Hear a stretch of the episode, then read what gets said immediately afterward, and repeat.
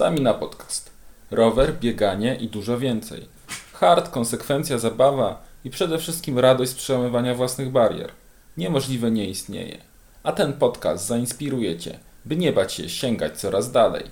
Witam, nazywam się Tomek Grabowski i zapraszam do pierwszego odcinka Stamina Podcast. W pierwszym odcinku chciałbym Wam powiedzieć, jakie tematy będą poruszane i o czym będzie ten podcast. Podcast, jak sama nazwa wskazuje, będzie o sporcie i będzie o sportach wytrzymałościowych, głównie o dwóch dyscyplinach bieganiu i jeździe na rowerze oraz o dyscyplinach uzupełniających, takich jak pływanie, jazda na nartach biegowych, rolki, kajaki. Będzie również o dyscyplinach mieszanych, duatlonach, triatlonach oraz rajdach przygodowych. Dotyczyć ten podcast będzie zawodów sportowych w formie liniowej, w formie zawodów na orientację, w, na dystansach krótszych i na dystansach ultra. Nie ominiemy też wycieczek biegowych, wyzwań biegowych oraz rowerowych. Pewnie się teraz zastanawiacie, skąd taka szeroka tematyka podcastu. Dlatego, że ja sam się bawię w różne sporty i różne sporty uprawiam i wszystkie sporty, które wymieniłem wcześniej są przeze mnie w jakimś tam stopniu uprawiane i się w nie bawię.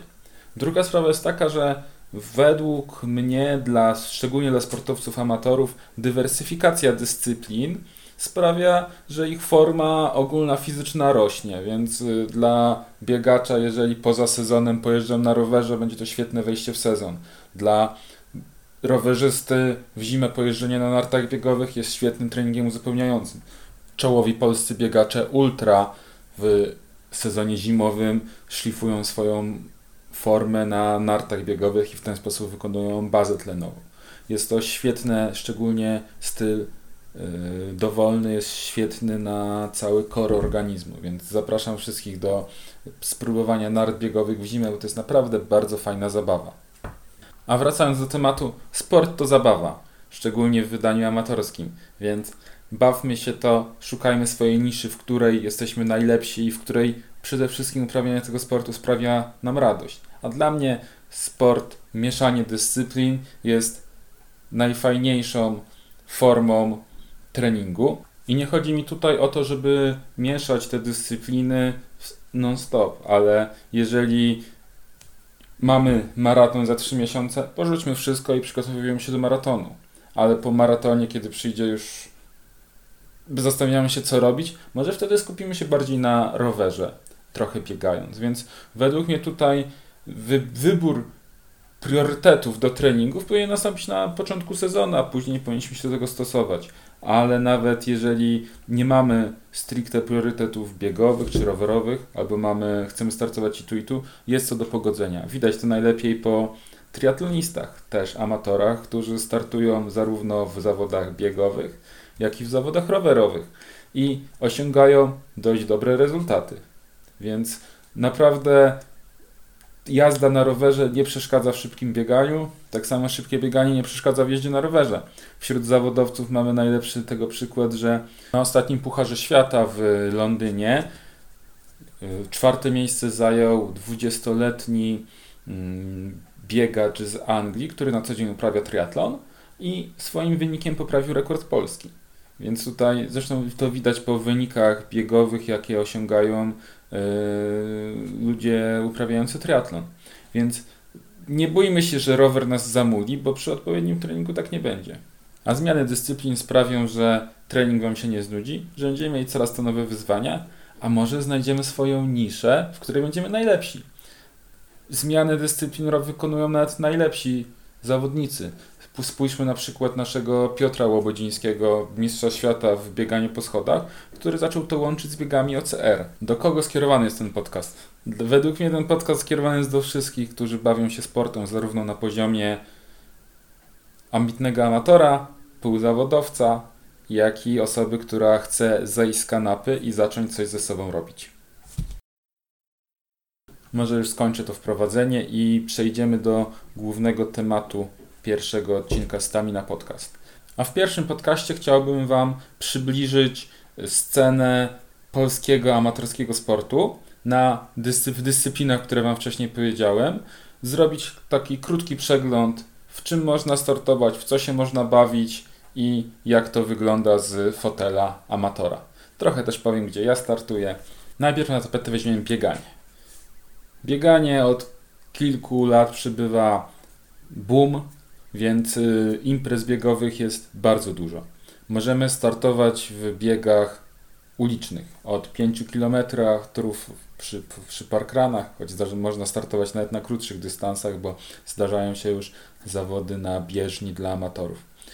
Po y, maratony, po ultramaratony y, uliczne, biegi 12 i 24 godzinne, biegi 100 kilometrowe i tutaj Pewnie wiecie, że mamy bardzo duże sukcesy na arenie międzynarodowej w biegach 24-godzinnych. Jesteśmy aktualnymi mistrzami świata, zarówno w wersji kobiecej, jak i w męskiej. Nawet mamy rekord świata na 24 godziny w biegu 24-godzinnym, który ustanowiła Patrycja Bereznowska, która przebiegła przez 24 godziny 260 km. Żeby oszczędzić Wam liczenia, musiała ona biec równo przez całe 24 godziny ze średnim tempem 5,32. Więc tutaj um, ja bym nie dał rady. Jak już skończyliśmy ulicę, to możemy przejść do trialu. W trialu bieganie terenowe przeżywa teraz rozkwit w Polsce i zawodów jest też bardzo dużo, począwszy od krótkich biegów na 5 km w terenie, przez biegi dłuższe, przez biegi e, ultra, które znajdziemy zarówno w terenach bardziej płaskich, jak i w terenach górskich. Tutaj też mamy bardzo szeroką propozycję w Polsce, bo w każdym paśmie górskim Polsce odbywa się teraz bieg ultra i naprawdę ta forma rekreacji przechodzi teraz swoje, ma swoje złote czasy. Oprócz biegów liniowych możemy startować również w biegach na orientację. I tutaj też mamy bardzo szeroki wachlarz możliwości.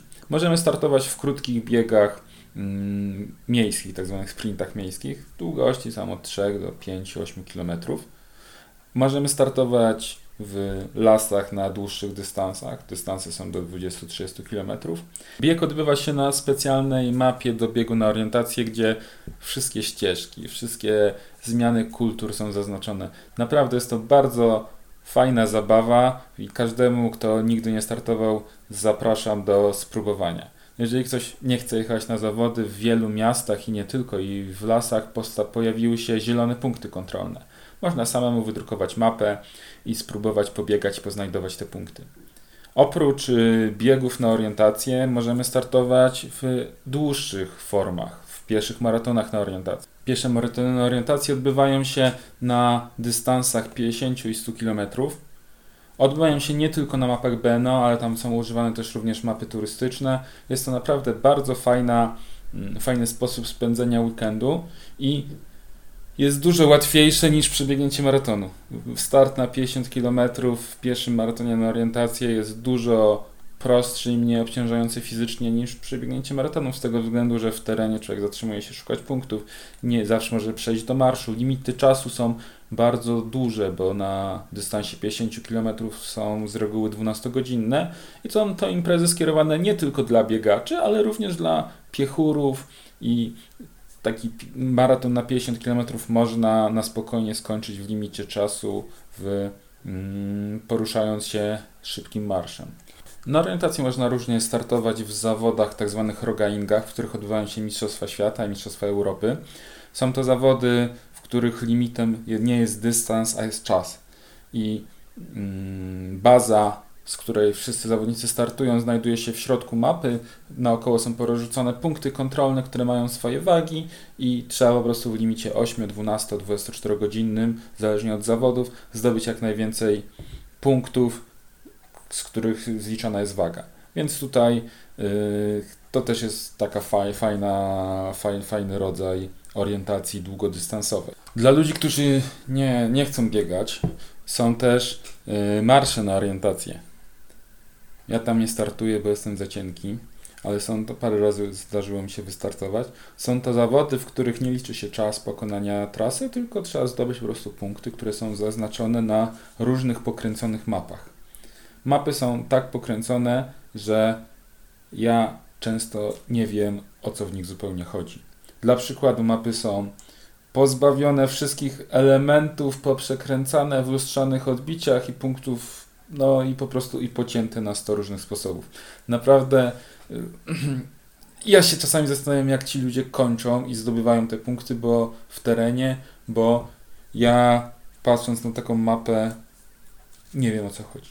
Jako pierwszy kontakt z orientacją nie polecam marszy na orientację, ale jeżeli ktoś już trochę postartował, to jest może, może, może to będzie jego nisza i będzie to jego fajna zabawa.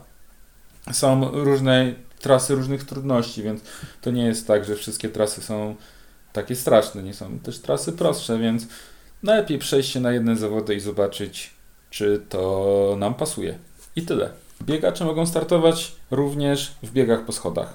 Mamy tu mistrza świata Piotra Łobodzińskiego, więc to też dzięki niemu stało się dość popularne w Polsce i się odbywa kilka biegów i są grupy, które w miastach trenują na wysokich budynkach. Jeżeli ktoś chce spróbować, to jest fajna sprawa i przygotowanie do biegów górskich i ćwiczenie tak zwanej siły biegowej. Jeszcze inną formą zawodu, w której biegacze mogą się pokusić o start, są biegi z przeszkodami. Imprez jest coraz więcej, organizacja stoi też na coraz wyższym poziomie i można spróbować pobawić się w biegi przeszkodowe. I to już chyba z biegania wszystko.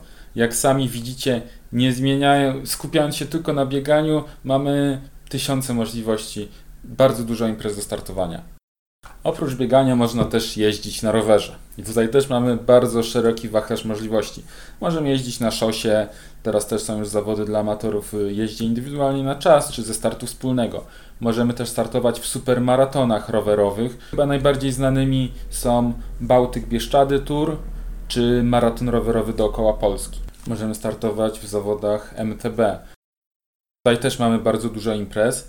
Możemy startować w zawodach w XC czy w maratonach rowerowych. Ja specjalnie rozdzielam te dwie dyscypliny, bo, bo szczególnie u mnie na Mazowszu to się bardzo różni. Zawody XC to są góra-dół, góra-dół. Zawody MTB często są puszczone po dużych shooterkach, więc to są według mnie zupełnie inaczej do tego trenuje i to są dwie różne dyscypliny sportów. Mamy też w Polsce kilka zawodów etapowych w kolarstwie MTB, więc jeżeli komuś mało jeden dzień ścigania, może startować w kilka dni.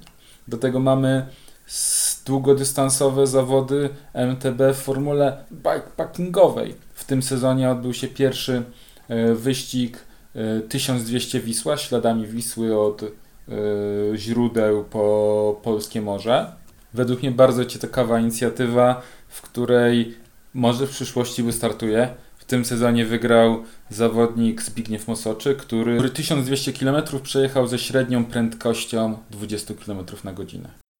Rowerze możemy startować również na orientację. Są zawody w rowerowej jeździe na orientację. Tutaj kolejna dobra wiadomość dla warszawiaków, bo mm, w okolicach Warszawy mamy cały wszechpuchar w rowerowej jeździe na orientację, więc naprawdę Polecam raz przejechać się, spróbować, bo jest to naprawdę fajna zabawa. Zawodnicy jeżdżący na rowerze mogą startować również w rowerowych maratonach na orientację. Są to zawody z reguły 100 lub 200 kilometrowe, które mm, rozgrywają się już na, mas- na mapach turystycznych. W Polsce mamy cały puchar w rowerowych maratonach na orientację, składając tam z kilkunastu imprez y, po całej Polsce. Polecam, bardzo fajna zabawa.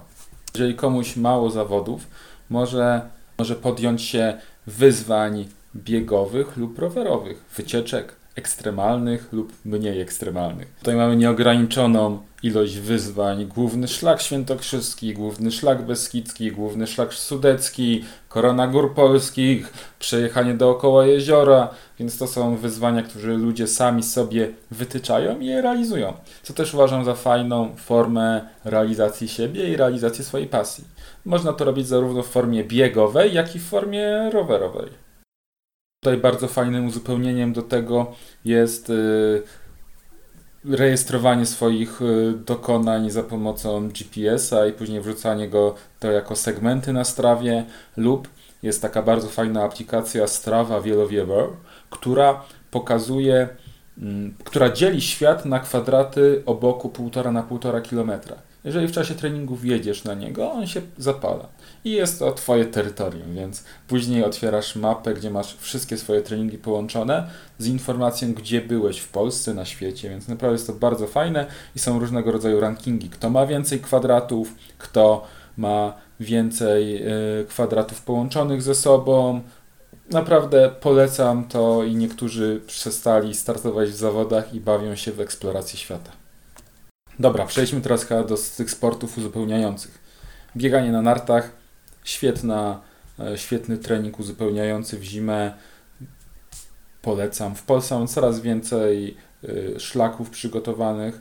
Ja tutaj polecam dwie lokalizacje, albo Jakuszyce, albo Bielice. Naprawdę byłem sam zaskoczony, jak w tym roku pojechałem w okolice Bielic i miałem do wyboru 300 km tras wyratrakowanych.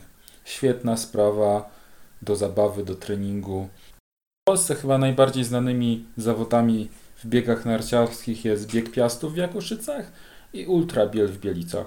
Na nartach można startować również na orientację. Są zawody w narciarskich biegach na orientację. Na początku w czołówce wymieniłem również kajakarstwo, a to ze względu na to, że kajakarstwo jest jedną z dyscyplin rajdów przygodowych, ale można też samemu, jako samodzielny sport, trenować kajakarstwo amatorskie. No, nie wiecie może, ale są, są zawody w kajakarstwie yy, amatorskim, nie tylko, nie tylko ludzie ścigają się na torach, ale również po jeziorach, rzekach i tak samo są zawody w kajakowych, kajakami na orientację, więc to też jest yy, fajne. Zastanawiacie się, jak można zrobić zawody kajakowe na orientację? Naprawdę da się. A o kajakowych zawodach na orientację będzie w kolejnych podcastach, więc nie będę tutaj się rozwodził. Uff, to już chyba koniec takich tych zawodów, w których człowiek może startować, pojedynczych, bo teraz skupmy się na zawodach mieszanych. Człowiek może startować w triatlonie, czyli połączeniu pływania, roweru i biegania. Może startować w duatlonie. Są duatlony złożone z biegania i z roweru. I tutaj wymienność dyscyplin jest bieg, rower, bieg. Może startować w swimrunach, czyli ma się dostać z jednego miejsca na drugie, biegnie, wskakuje do wody, płynie, wychodzi z wody, dalej biegnie. Może startować w y, na przykład triatlonie zimowym w, na stegnach w zimę, gdzie jest jazda na łyżwach po torze, jazda na rowerze i bieganie. Oraz może startować w mojej ulubionej dyscyplinie, czyli w rajdach przygodowych. Co to są rajdy przygodowe? Rajdy przygodowe są to interdyscyplinarne zawody na orientację, drużynowe, przeprowadzone w formule non-stop. W rajdach przygodowych startuje się w zespołach dwu- lub czteroosobowych. Z reguły w krótszych rajdach startuje się w zespołach dwuosobowych, w dłuższych rajdach startuje się w zespołach czteroosobowych i w tym jedna osoba musi być płci odmiennej. Z reguły startuje się z jedną kobietą. Zawody są interdyscyplinarne i nie ma sztywnych reguł, z jakich dyscyplin muszą się składać. W jest taka przyjęte, że składają się zawsze z biegania, roweru, w lata często z kajaka, z jazdy na rolkach, z zadań linowych. Zimę najczęściej obejmuje rajd przygodowy, narty biegowe. Rajd podzielony jest na etapy i drużyny mają wyznaczone, jaki etap na jakim sprzęcie mają pokonać. Rajdy najczęściej odbywają się w formule samowystarczalnej, czyli bez pomocy z zewnątrz. To znaczy, że e, nikt zespołom nie może pomagać, nie mają swojego supportu, a wszystkie rzeczy, których będą używać na rajd, deponują wcześniej u organizatora, który im dowozi rolki na odpowiedni przepak. Nie muszą często tego nosić, ale zdarzają się etapy, w których biega się z rolkami po lesie. Na przykład startowałem w rajdzie, gdzie był etap rolkowo-trekkingowy, gdzie do wyboru miałem, czy jadę na rolkach, czy biegnę. Tak jak powiedziałem na początku, jeszcze kolejnym utrudnieniem rajdów przygodowych jest to, że one są, są to zawody na orientację, gdzie nie ma stałej trasy, a trasa zawodów jest y, wyznaczona punktami, do których musimy dotrzeć, a przebiegi pomiędzy punktami wymyślamy sobie sami i sami je realizujemy. Więc y, dochodząc do tego, że rajdy przygodowe w wersji krótkiej trwają od 8 do 12 godzin, w wersji długiej od 24 do czasem 3-4 dni, a Mistrzostwa Świata odbywają się na długości tygodni, więc tutaj dochodzi jeszcze kolejna dyscyplina, jaka jest gospodarka snem. Samemu zdarzyło mi się usnąć jadąc na rowerze. O rajdach przygodowych na pewno będzie oddzielny odcinek podcastu, gdzie będę starał się mieć jakiegoś fajnego gościa, który ma większe doświadczenie niż ja, więc nie będę wam zdradzał wszystkich szczegółów, ale naprawdę warto w czymś takim wystartować, bo nie trzeba się od razu porywać na najdłuższą trasę. Można wystartować w krótszej. 8-12 godzinne rajdy są dla, też uważam, że dla wszystkich, bo Nie trzeba całej trasy robić, można ją sobie ewentualnie ściąć i też zostać sklasyfikowanym. I chyba rajdy przygodowe były ostatnią dyscypliną, o której chciałem powiedzieć, w czym taki amator bawiący się w sport może startować, jak i trochę taki bardziej zaawansowany amator również. Teraz czas na takie moje krótkie podsumowanie. W Startowałem w wielu zawodach w Polsce i według mnie poziom organizacyjny polskich zawodów naprawdę jest dość wysoki. Dodając do tego mnogość imprez, które mamy, zarówno od imprez organizowanych przez, przez profesjonalne firmy, jak i imprez organizowanych przez miłośników sportów i przez wolontariuszy organizowanych jednoosobowa, jednoosobowo, więc tutaj też mamy od parkranu po bieg na 5 km, w którym startuje 1000 osób, więc każdy według mnie może znaleźć swoją niszę i może się bawić sportem. A do czego zachęcam? Nie bać się startować, próbować, bo nie jest wstyd przegrać. Ja sam porwałem się na triatlon pływając żabką, żeby zobaczyć z czym to się i jak to wygląda. A teraz już żegnając się z Wami, mam nadzieję tylko, że usłyszeliście coś interesującego i że czegoś nowego się dowiedzieliście i że będziemy się słyszeć kolejnym razem w kolejnym moim podcaście, gdzie postaram się Wam przybliżyć wszystkie te dyscypliny, które były omawiane wcześniej. Dzięki wielkie, pozdrawiam, Tomek Grabowski.